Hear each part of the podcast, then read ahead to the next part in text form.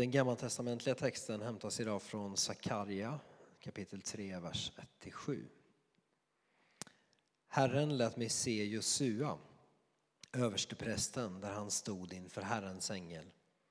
På hans högra sida stod anklagaren, beredd att anklaga honom. Herrens ängel sade till anklagaren, Herren ska tillrättavisa dig, anklagare. Ja, han som har utvalt Jerusalem ska tillrättavisa dig. Är inte denne man en brand ryckt ur elden? Josua bar smutsiga kläder där han stod framför ängeln och ängeln befallde sina tjänare, ta av honom de smutsiga kläderna.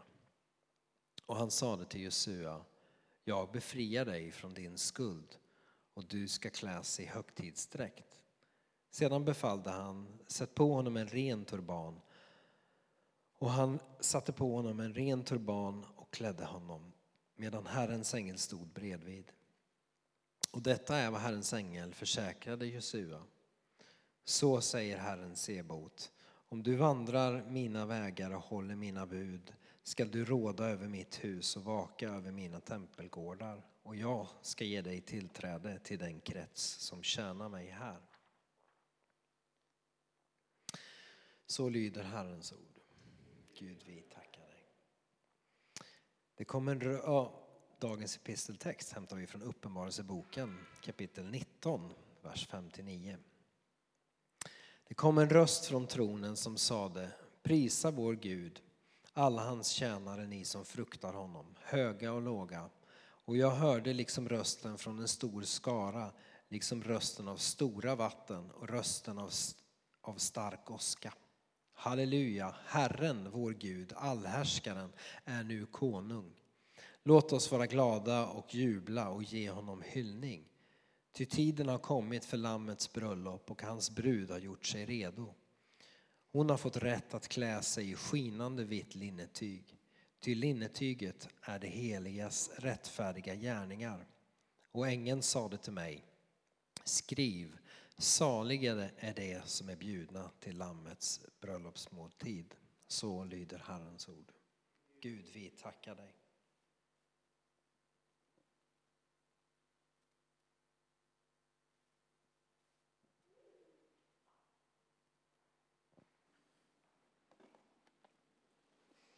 Upplyft era hjärtan till Gud och hör den här dagens heliga evangelium.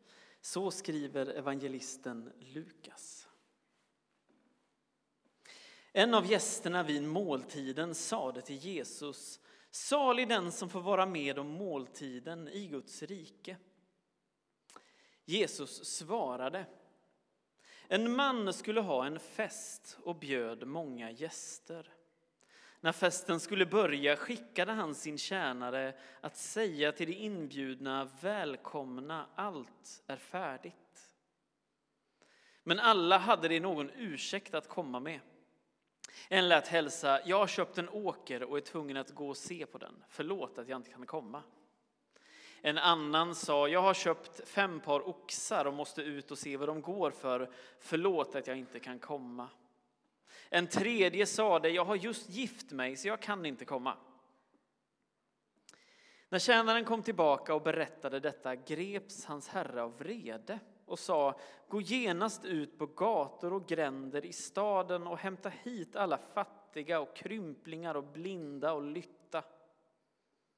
Och tjänaren sade, herre, jag har gjort som du befallde, men ännu finns det plats. Då sa mannen till sin tjänare, gå ut på vägarna och stigarna och se till att folk kommer hit så att mitt hus blir fullt. Jag säger er att ingen av alla dem som först blev bjudna ska få vara med på min fest. Så lyder det heliga evangeliet. Lovad vare du, Kristus. Kyrkan befinner sig nu i trefaldighets tiden. Vi har firat i, under hela perioden härifrån jul fram till nu en mängd olika högtider. Och på det så ges oss trefaldighetstiden för att få kunna stanna upp, fundera över vad Gud har gjort. Låta det slå rot i våra liv och låta oss fördjupa Trefaldighetstiden inleds med att vi firar det mysterium som är den enda egentligen fasta grunden för kyrkan.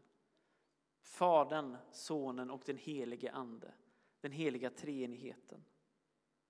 Söndagen efter, alltså förra söndagen, så firade vi vad? Jo, vårt dop. Alltså den heliga handling, det sakrament som för oss in, förenar oss med den treenige guden. Idag så firar vi kallelsen till Guds rike. Mönstret är tydligt. På den heliga trefaldighetsdag så är Gud, vare sig vi tror på det eller inte. I dopet så handlar Gud, vare sig vi tror det eller inte, och för oss in i gemenskap med honom. Men här, här börjar vi märka att det krävs också någonting ifrån oss. Det krävs ett fritt val. Man döper inte sig själv, man låter sig döpas. Vare sig det sker i vuxen ålder eller det sker när man är barn. Någon tar också ett val att närma sig detta. Idag så ställs vi också inför insikten att vi är fria att säga ja eller nej till Gud när han kallar oss till tjänst i sitt rike. För bara den som är fri kan älska. Vi möter det gång på gång i evangelierna om Jesus. Han är fri från behovet att vara någon i människors ögon. Han är fri från begäret att ta makten över människorna eller tillvaron. Vad gör Jesus?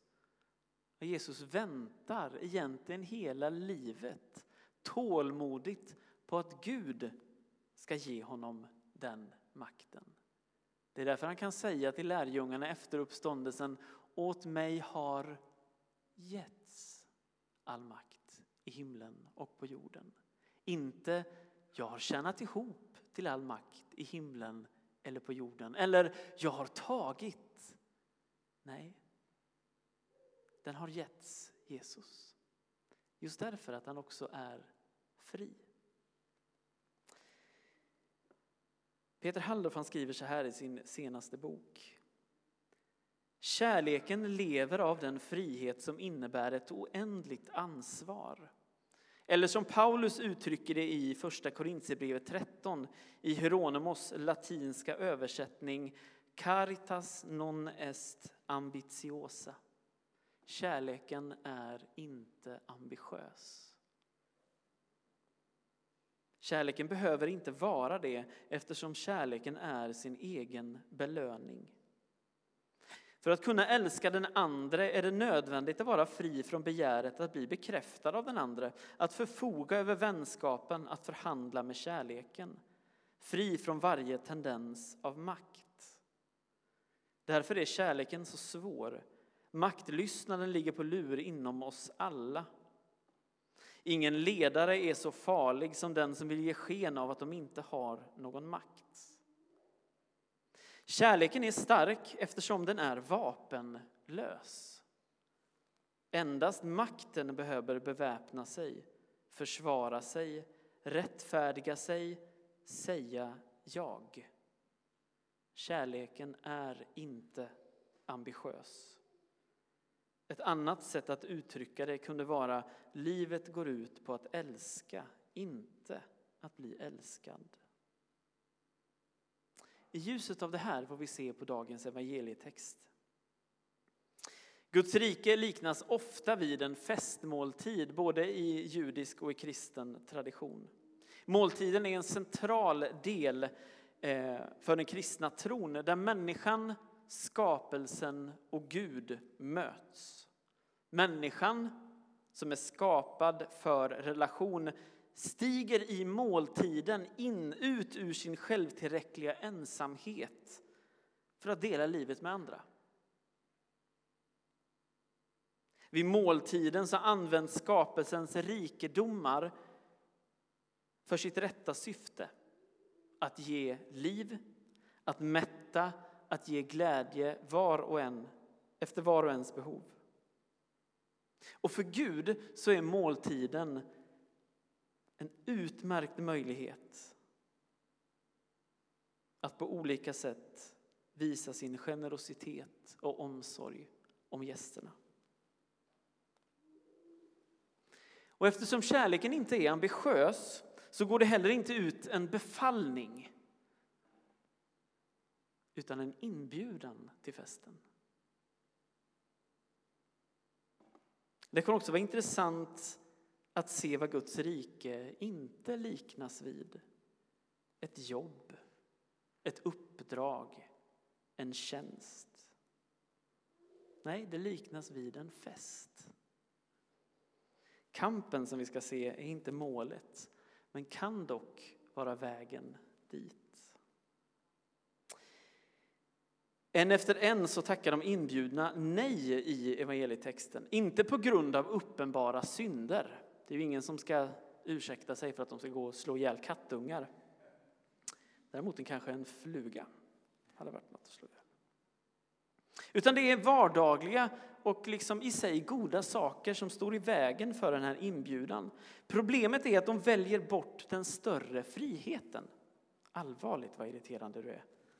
Sätt dig ner någonstans bara. Så.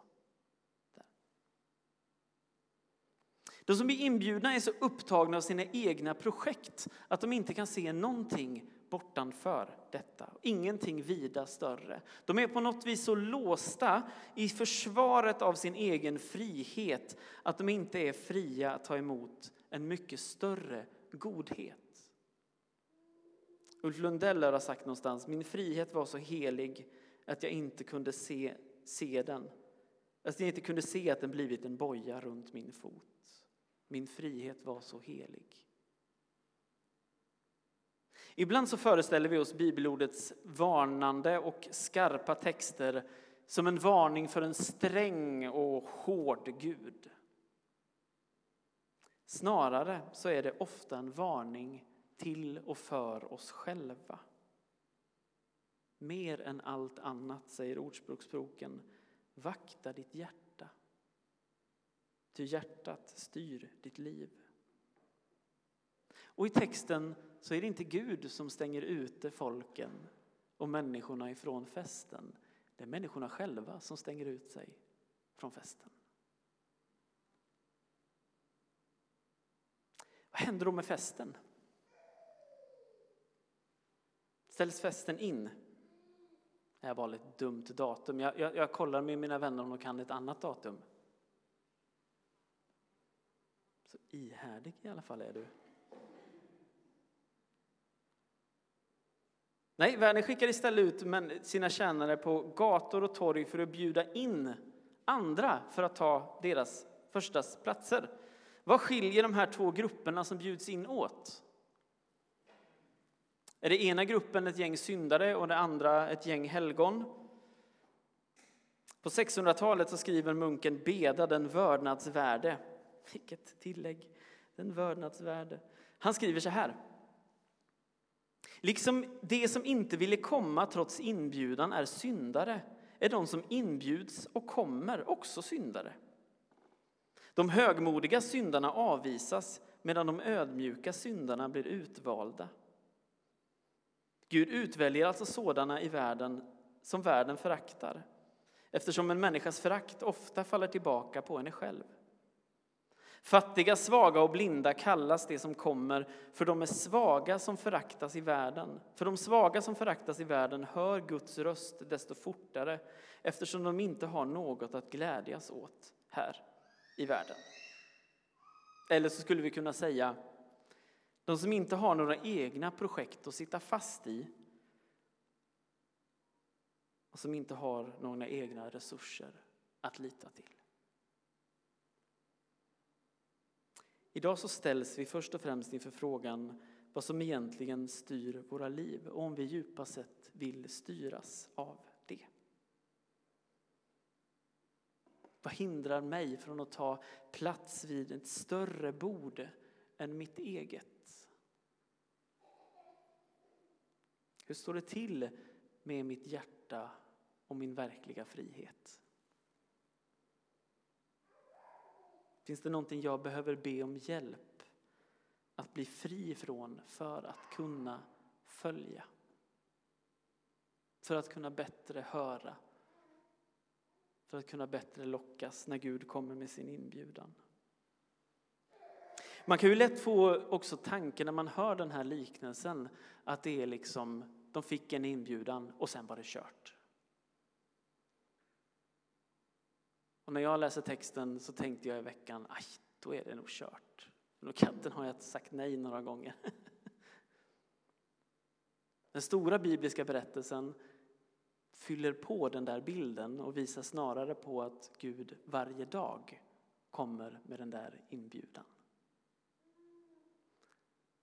Både den som sa ja igår behöver också säga ja idag och den som sa nej igår har idag en möjlighet att säga ja.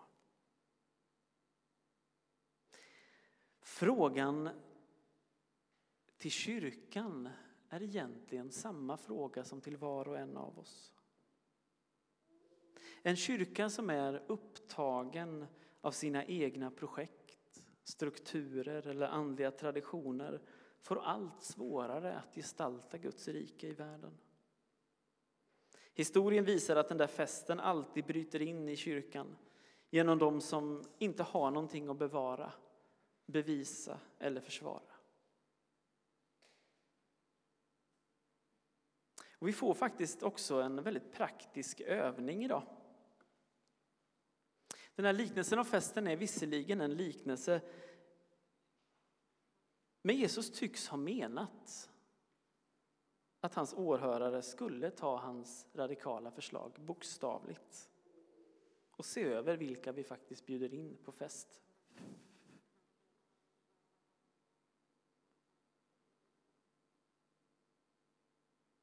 Den fest som de första gästerna var inbjudna till var till Jesusrörelsen. Till Jesus stora och radikala inbjudan och välkomnande av allt och alla. Och när de första lärjungarna som Lukas skriver till läser detta så är det som att han säger att den som vill tillhöra Jesusrörelsen var inte förvånade över att det finns en massa fattiga, lytta, blinda, behövande människor bland er. Det är precis som det ska vara. Snarare kanske han skulle säga se upp om det bara är en massa välbärgade människor som har allting, som har koll på allting och inte behöver någonting. Så frågan är hur kan vi i vår församling, i våra familjer, hur kan vi komma fram till vad det innebär. Vad innebär det för oss att gestalta Guds rike på ett sådant sätt så att människor som befinner sig längst ner på skalan Tolka det vi gör som ett glädjebud. Tolka detta som evangelium. Den gamla biskopen och forskaren N.T. Wright han skriver så här och det här citatet har jag endast med för att jag inte vill säga det själv, utan jag kan skylla på att han har sagt det. Det duger inte att säga att vi själva är de människorna som till vår förvåning har kallats in från gator och torg för att delta i Guds fest. Kanske är det så, men gästerna på festen förväntas sedan i sin tur ordna en fest. Varje söndag så dukar Gud sitt bord till oss. Och varje söndag så kallas vi till Guds rike. Lade ni märke till vad det stod i den där inbjudan? Förvillande likt orden vi har i vår liturgi. Kom, nu är allt tillrätt. Varje söndag bjuder Gud in oss till festen i sitt rike. Till en försmak av den festen som är hans rike. Och frågan är hur kan vi gå i hans fotspår när vi går ut härifrån? Och hur kan vi duka våra bord och bjuda till fest? Vem i ditt liv behöver kanske den här veckan en sån inbjudan? Kom, nu är allt tillrätt. Ära vare Fadern och Sonen och den helige Ande, nu och alltid och i evigheters evighet. Amen. Låt oss tillsammans stå upp och bekänna kyrkans tro. Vi tror på Gud Fader allsmäktig, himmelens och jordens skapare. Vi tror och på Jesus Kristus, hans enfödde Son, vår Herre, vilken är avlad av den helige Ande, född av jungfru Maria, pinad under Pontius Pilatus, korsfäst, död och begraven, nederstigen till dödsriket, på tredje dagen uppstånden igen ifrån de döda, uppstigen till himmelen, sittande på allsmäktig Gud faders högra sida, därifrån igenkommande till att döma levande och döda. Vi tror och på den helige Ande, en helig allmännelig kyrka, det heliga samfund, syndernas förlåtelse, det dödas uppståndelse och ett evigt liv. Amen. Vi ska nu duka till fest och vi ska göra det under sång som sig bör. Och när vi sen eh, firar måltiden så går vi fram här, faller på knä, två åt gången. Eh, du får ta emot brödet i din hand och sedan doppa det i bägaren. Nu sjunger vi och dukar för fest.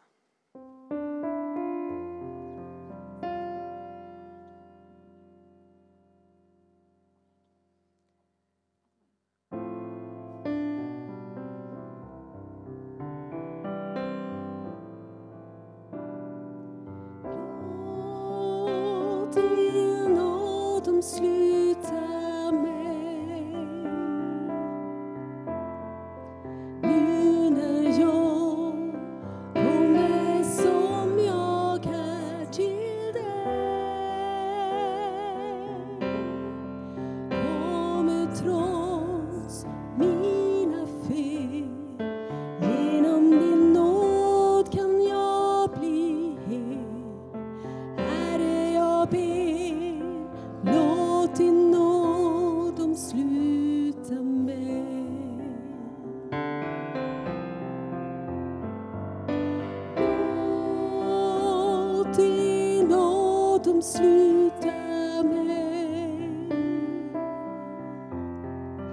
nu när jag